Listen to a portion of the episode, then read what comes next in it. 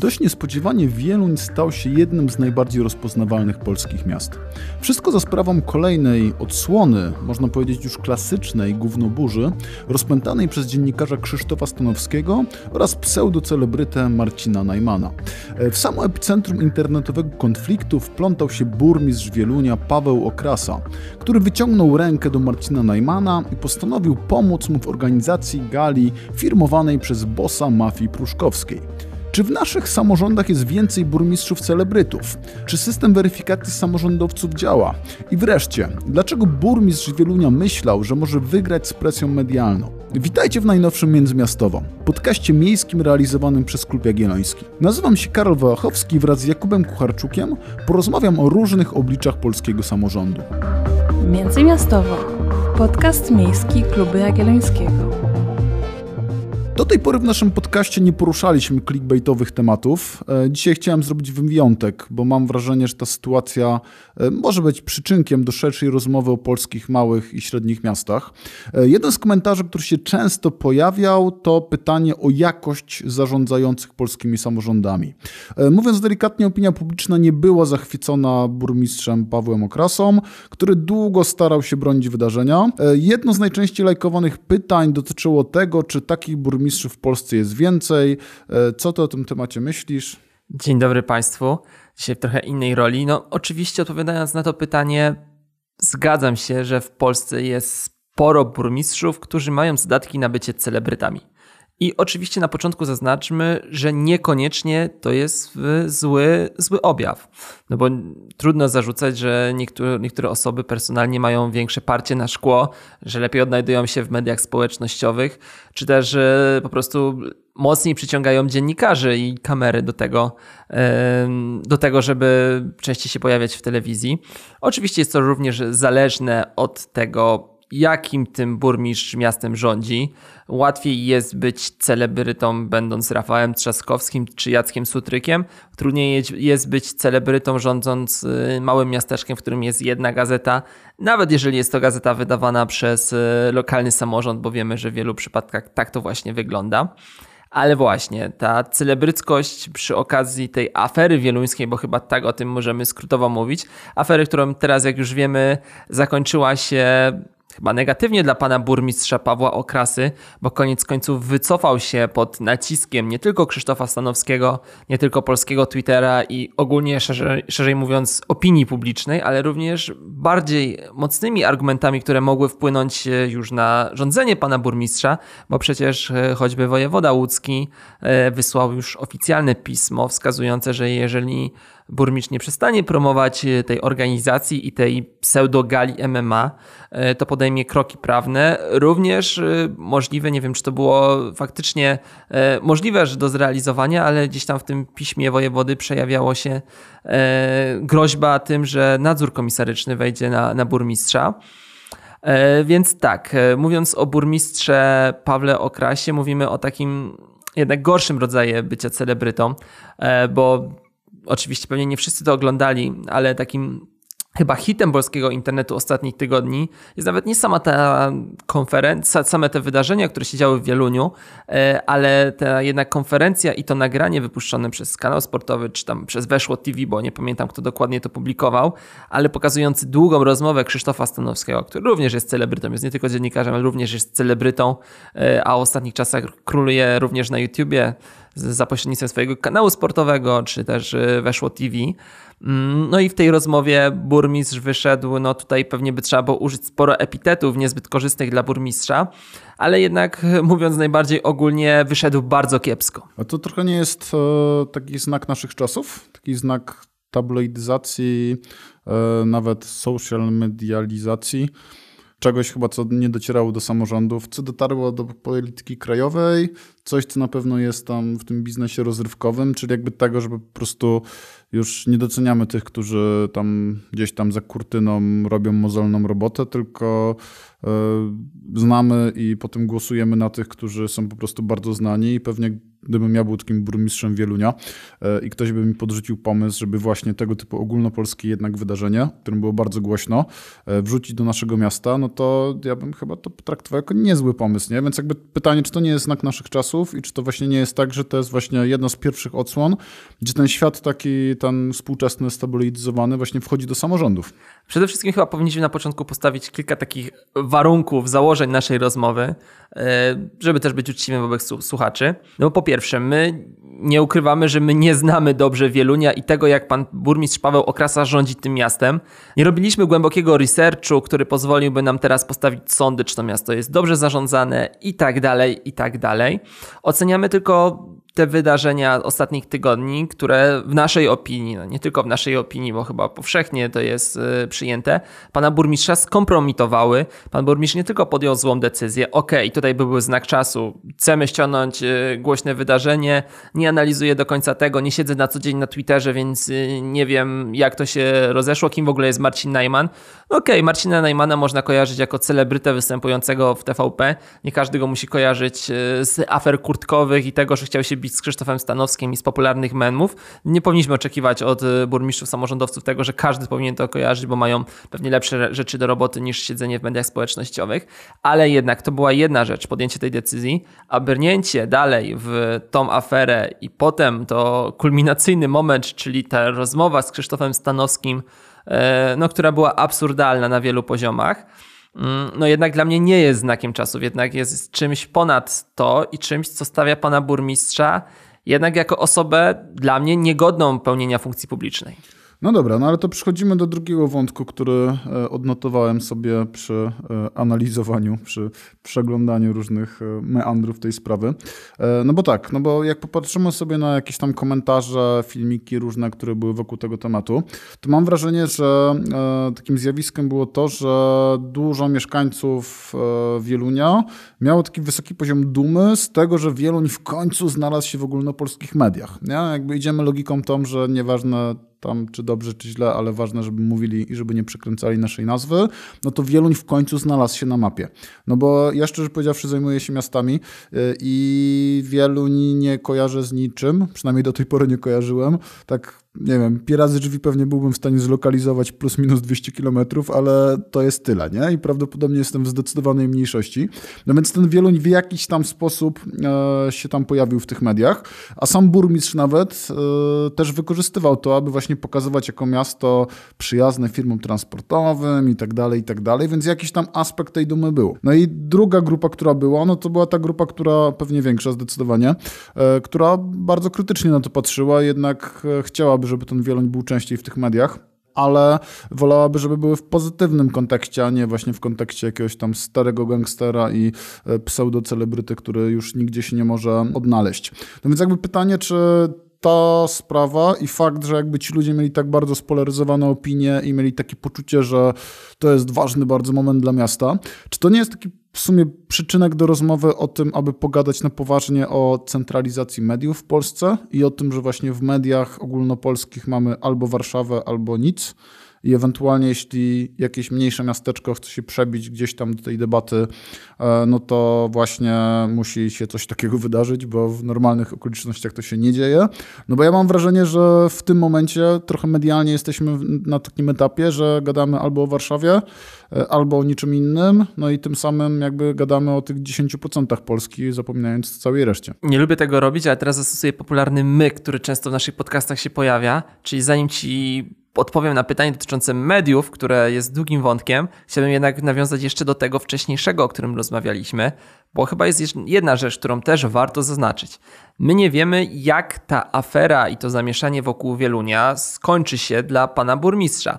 W, w oczach opinii publicznej, w obserwatorów i tak dalej, no wielu nie zostanie takim drugim miastem jak e, Sosnowiec, Radom czy kilka innych polskich miast, Kraśnik ostatniego, ostatniego roku, które są bardzo negatywnie kojarzone i de facto z jedną rzeczą kojarzone. Wydaje mi się, że to była za słaba afera, która zakończyła się, no tej, tej gali w Wieluniu koniec końców nie będzie. Więc y, no jednak to trwało kilka, kilka dni w mediach społecznościowych, głównie pewnie w jakichś tam mediach telewizji i tak dalej, gazetach się pojawiło, ale jednak wydaje się, że to jest za słaba afera, żeby to odcisnęło piętno na Wieluniu.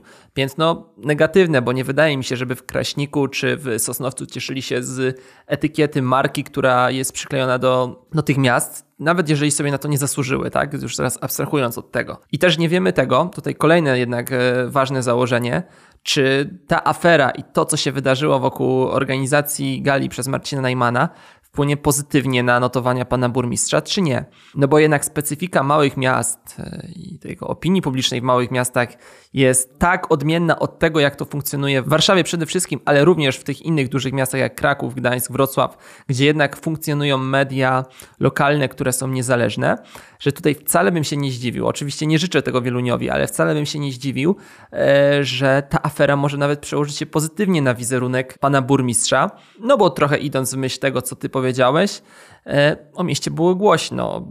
Nawet jeżeli koniec końców ogólna ocena pana burmistrza i tego, jak wypadł, jest skrajnie negatywna, to nie wszyscy mieszkańcy muszą tak to oceniać, bo nie wszyscy może mieli czas to analizować z perspektywy takiej właśnie afery ogólnopolskiej, a patrzyli jedynie na to, że, że Wieluń był w mediach popularny. No i tego nie zmierzymy, tak? To dopiero okaże się przy okazji kolejnych wyborów, czy pan burmistrz przez tą aferę przegra z Kretesem i nawet nie wejdzie do drugiej tury, czy jednak w pierwszej turze zdeklasuje swoich przeciwników, bo jednak bardzo mocno zbudował swoją pozycję. No i to jest coś, o czym powinniśmy pamiętać. E, coś, co pewnie jeszcze naszą roz, naszej rozmowie dzisiejszej wróci, bo to jest jednak ważne, jak funkcjonują w ogóle te lokalne samorządy i czy więcej jest takich e, pubów, okrasów, e, teraz pewnie przekręciłem to nazwisko, e, oczywiście trochę, trochę memogennie, e, czy więcej jest takich burmistrzów Wielunia, którzy w samorządach funkcjonują i są troszkę teflonowi, czyli nie przykleja się do nich e, jakaś pojedyncza afera, która gdzieś tam pojawia się na kilka dni, a potem znika, bo media społecznościowe już potem są zajęte czym innym.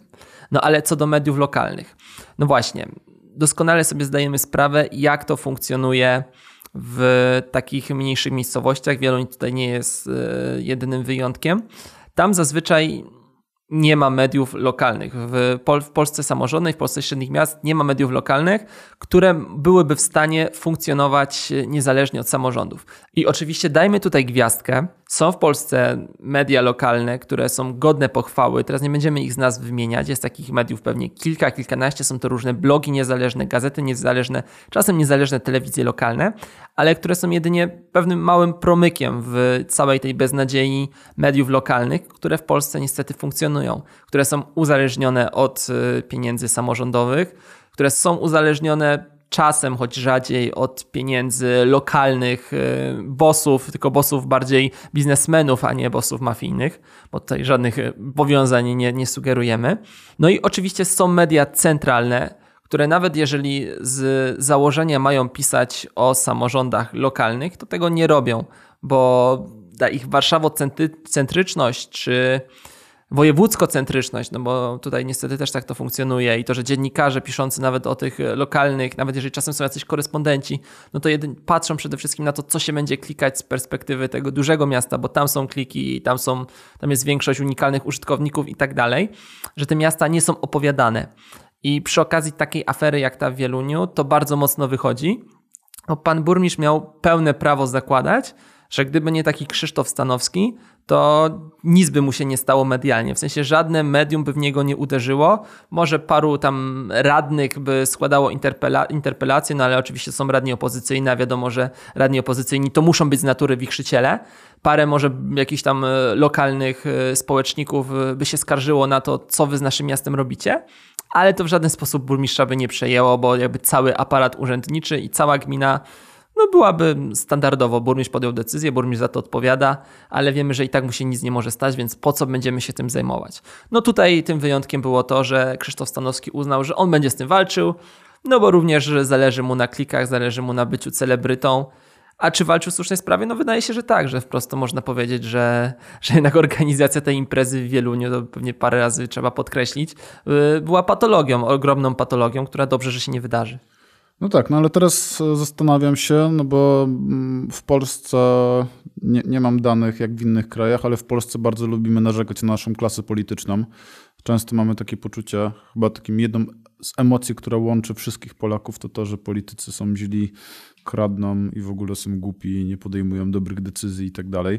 Mamy e, co chwilę jakieś afery, aferki związane z politykami, politykami centralnymi. No więc jakby co myślisz, czy ci politycy centralni są gorsi od tych samorządowych, czy ci samorządowi są lepsi? No bo moja intuicja jest taka, że chyba właśnie przez ten brak mediów bardzo wiele rzeczy po prostu nie dociera do opinii publicznej, jakichś głupich e, decyzji, które są podejmowane, e, które świadczyłyby o braku kompetencji i tak dalej. I po drugie, jednak w samorządzie e, chyba jednak też te decyzje są zdecydowanie bardziej takie merytokratyczne. No bo łatwiej jest krytykować kogoś za jakąś tam sprawę światopoglądową, niż za to, jak tam poprowadził drogę czy coś. Mega trudny temat. No bo trochę odbijając wątek, czy na podstawie tego, jak oceniamy Łukasza Mejzę i tego, co robił, będąc wokoło rządu, czy tam będąc wiceministrem sportu, czy tam będąc stowarzyszonym, zaprzyjaźnionym z Zjednoczoną Prawicą, czy na podstawie jego osoby możemy ocenić całą klasę polityczną? Trochę tak, trochę nie.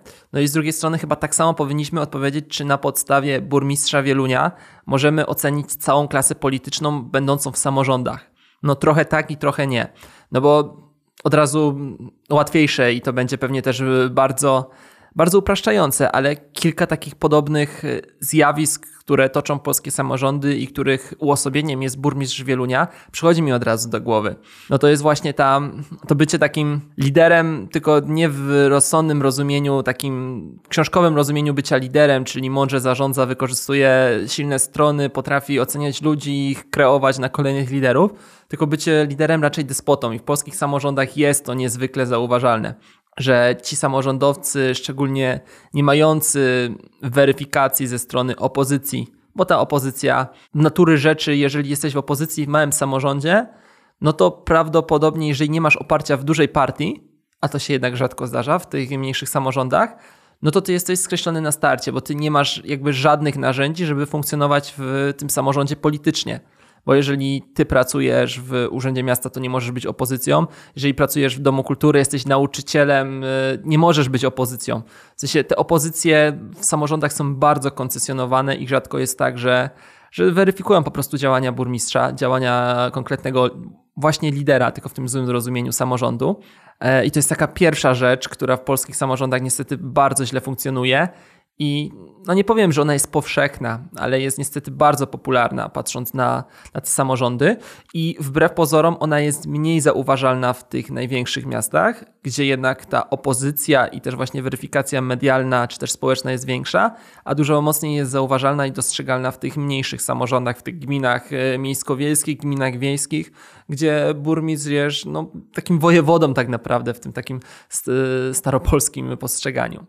No dobra, mi się jednak wydaje, że tutaj ten dostęp do informacji jest kluczowy, no bo tak jak już rozmawiałem e, między innymi w podcaście z Jankiem Śpiewakiem, no to jeśli polityk centralny coś zrobi złego, no to z dużą dozą prawdopodobieństwa to wyjdzie gdzieś, bo są dziennikarze, którzy szukają tematów, w Polsce na szczęście mamy dziennikarzy i, pro, i prorządowych obecnie, i proopozycyjnych, i każdy jakby pilnuje swoich e, polityków, i raczej te aferki wybuchają stosunkowo często. No a w samorządzie ten dostęp do informacji jest zdecydowanie mniejszy, nie ma komu, no więc jakby my o bardzo wielu rzeczach nie mamy, ale też prawdopodobnie też te afery są mniej spektakularne z tego względu, że też jakby dużo mniejszą ilością pieniędzy, władzy i tak dalej ci samorządowcy obracają, więc też pewnie jest masa jakichś takich aferek pod tytułem nepotyzm, zatrudnianie swoich i tak dalej, i tak dalej.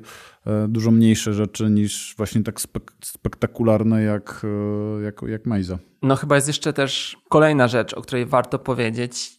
To nie jest rzecz jakby pokazująca, czy ci samorządowcy są lepsi czy gorsi od tych polityków centralnych, ale jednak trochę warunkujący naszą rozmowę o tym, jak ich oceniać, e, bo jednak samorządowcy zdecydowanie łatwiej, zdecydowanie łatwiej o sprawczość w byciu samorządowcem, bo to samorządowiec, y, czy to od radnego, radnego dzielnicowego w dużych miastach, po właśnie burmistrza, prezydenta, to samorządowiec y, ma możliwość, dostęp do tego, żeby jakieś projekty przeprowadzać. I, o projekty oczywiście o co mi chodzi, bo to teraz górnolotnie brzmi. O te wszystkie remonty ulic, e, o budowanie obwodnic, o zwiększanie etatów w szkołach, gdzieś tam jakieś remonty, czy stworzenie kanalizacji i tak dalej, i tak dalej. E, jednak do samorządów przez ostatnie lata płynęły olbrzymie środki. E, polskie gminy się zmieniały i te zmiany były utożsamiane nie jakby z ogólnym postępem naszego kraju, nie z dużymi krajowymi programami rozwoju, które gdzieś tam były tworzone na szczeblu ministerstw i potem spływały do województw, a z województw spływały do gmin za pomocą przede wszystkim środków europejskich, czy też w ostatnich latach, no to jest już pewnie bardziej opowiadane za pomocą tych programów rekompensujących straty w dochodach samorządów, które są firmowane przez rząd, jak choćby ten e, program inwestycji strategicznych e, ostatnio, o który coś tam opowiadaliśmy. No ale samorządowcy dzięki temu budują swoje zaufanie i ludzie im przez to więcej wybaczają. Ludzie, no my ogólnie im przez to więcej wybaczamy. No bo co z tego, że zatrudnił tych swoich wszystkich pociotków, jak jednak widzimy jego sprawczość, a czy sprawczość ministra, czy jakiegoś konkretnego posła już w ogóle, e, abstrahując od ministrów, którzy coś tam jeszcze mogą robić, no jak ocenić e, sprawczość posła? No praktycznie się nie da ocenić sprawczości posła, który jest oczywiście władzą ustawodawczą, niewykonawczą, więc e, no, ma uchwalać prawo. Na prawo bezpośrednio aż tak się nie przekłada, chyba że jest absurdalnie złe. Czasem też się to zdarza, ale jednak co do zasady prawo uchwalane w Sejmie tak bezpośrednio nie przekłada się na e, jakość życia mieszkańców, więc e, no, trudniej dostrzec dobre rzeczy, które robi poseł. Bardzo łatwo dostrzec złe rzeczy, które robi poseł, no bo to wszystko złe, co płynie z Warszawy do, do miasteczka, te wszystkie polskie niełady czy polskie, polskie wały, jak to niektórzy ostatnio mówią, e, te wszystkie podwyżki drożyzna, no to przecież to bardzo łatwo przypiąć do władzy centralnej, e, do ogólnie klasy politycznej, no bo tutaj trzeba jednak zaznaczyć, że, że te wszystkie sondaże pokazujące zaufanie do klasy politycznej nie rozróżniają bardzo tak mocno, kto aktualnie rządzi, a kto jest w opozycji, czy opozycja robi coś złego. Nie, ten podział polityczny w naszym społeczeństwie jest tak mocny, że po prostu obrywa się całej klasie politycznej i samorządowcy są trochę na boku. No tutaj takie warto zastrzeżenie zrobić, że władza centralna, władza Zjednoczonej Prawicy w ostatnich latach robiła sporo, żeby te samorządy trochę obrzydzić ludziom. Nie wiemy w jakim stopniu to się udało, pewnie w jakiejś części społeczeństwa to się udało, choćby za pomocą różnych dziwnych, często nierzetelnych materiałów w telewizji publicznej, która przecież atakowała samorządy. Ale jednak wydaje się, że ci samorządowcy, znaczy nie tylko się wydaje, ale ci samorządowcy po prostu mają zdecydowanie większe zaufanie wśród społeczeństwa. No i ja tutaj nie, jakby nie silę się na odpowiedź, czy to zaufanie jest, w sensie, czy oni są godni tego zaufania, które budzą w społeczeństwie. No bo mam sporo wątpliwości, ale dostrzegam również te zalety funkcjonowania polskich samorządów. Mhm. To, co teraz mi przychodzi do głowy, to to, że chyba zdecydowana większość posłów to są posłowie, którzy są nieznani wyborcom. Znaczy idziemy do wyborów i może tam, no tak, każdy z nas pewnie zna tam paru, dziesięciu różnych posłów, pewnie niektórych nawet lubi i nawet na nich głosuje, ale zdecydowana większość z nas e, głosuje po prostu na brand partyjny i tyle. I przecież mamy masę posłów, którzy dostali jakąś tam śmieszną ilość tysiąca głosów i są posłami, bo po prostu byli na liście, która zebrała dużo głosów i jakby ich weryfikacja wyborcza nie jest zbyt silna. A jednak w samorządach e, to są wybory bezpośrednie, więc realnie ci burmistrzowie, prezydenci, wójtowie musieli zebrać tą większość głosów. No więc też chyba też z tej perspektywy ta weryfikacja ich jest jakby silniejsza niż na poziomie centralnym. Tak, ale, tutaj to ale będzie dosyć jednak mocne, e, bo są raporty podsumowujące poszczególne wybory, że jednak w samorządach, i tutaj nie mówię o wyborach właśnie na burmistrza czy prezydenta, tutaj trochę od tego abstrahuję, ale głównie właśnie wyborach na radnych, e, często tej demokratyczności mocno brakuje. Często jest tak, że do zostania radnym w danej gminie wystarczy kilkadziesiąt głosów. E, nie mówiąc o radach dzielnic czy radach osiedli w tych największych miastach.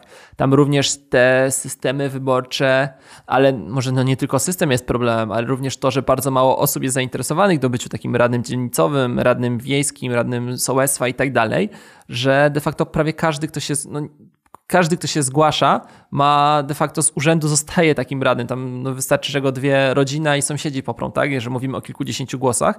I takich przypadków w skali Polski są tysiące.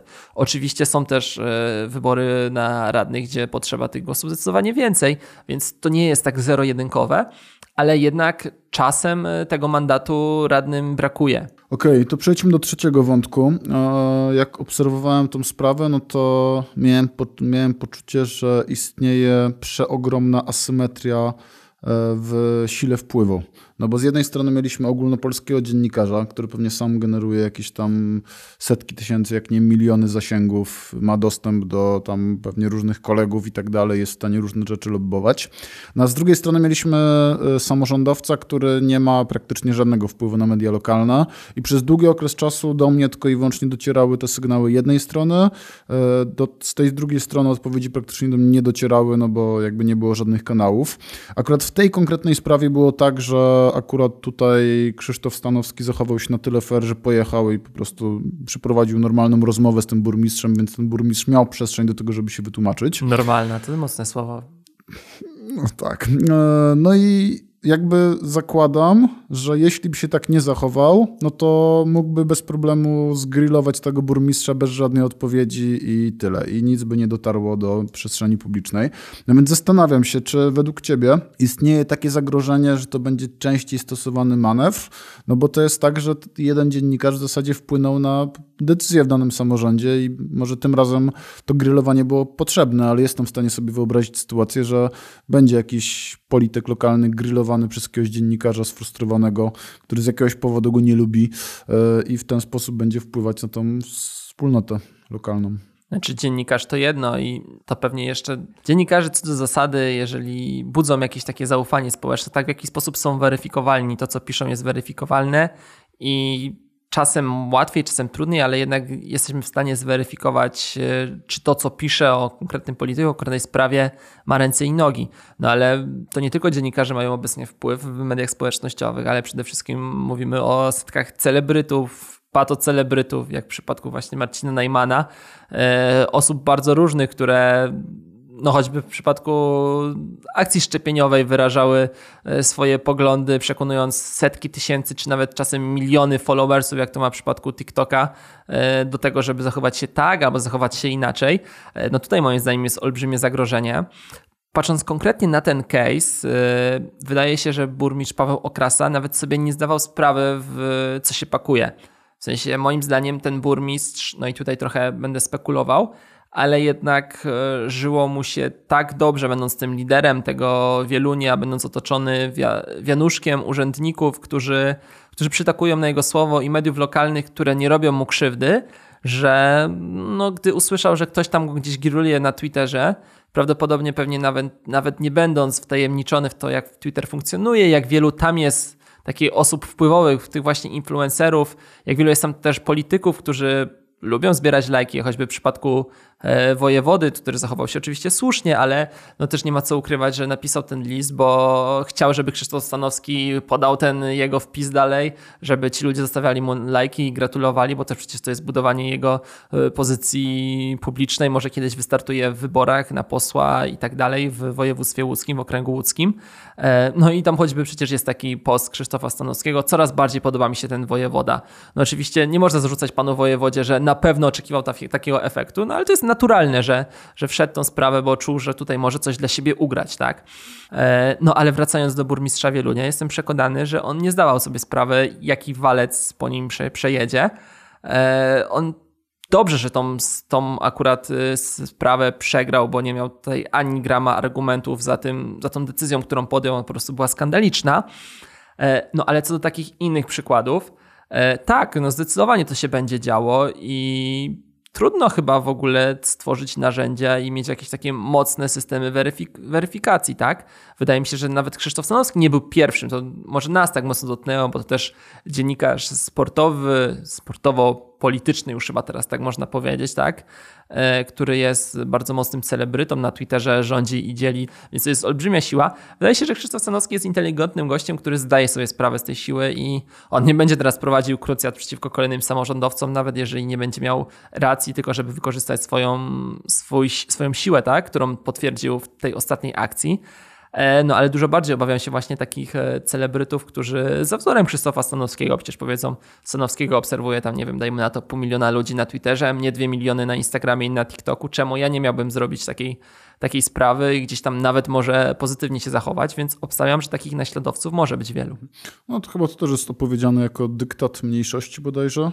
Jeśli mamy jakąś tam społecznie małą grupę, która jest e, zdeterminowana, no to jakby ona może wpływać na decyzję całości bo ca, cała reszta nie chce może podejmować tej decyzji, e, jakby nie chce bronić swojego zdania. To, to już teraz wchodzimy w bardzo socjologiczne mhm. rzeczy, które pewnie nie jesteśmy najlepszym podcastem do, do tego, żeby, żeby to analizować, mhm. jak ludzie się, jak my w ogóle się będziemy zachowywać, no bo też nie ma co ukrywać, że my też byliśmy jakimiś tam mniej lub bardziej biernymi uczestnikami tej sytuacji i też samo to, że nagrywamy teraz podcast e, o tym, co zrobił Krzysztof Stanowski, no to też jest miarą, miarą, miarą sukcesu e, całej tej akcji i tej no nie nagonki, bo to nie była nagonka, to była słuszna akcja e, przeciwko złej decyzji konkretnego polityka, ale jednak w jakiś sposób to rozpropagowujemy i reklamujemy działania Krzysztofa Stanowskiego. Okay. Z jednej strony cieszę się, że pojawił się temat Wielunia, e, że generalnie pojawił się temat jakiegoś małego, średniego miasta.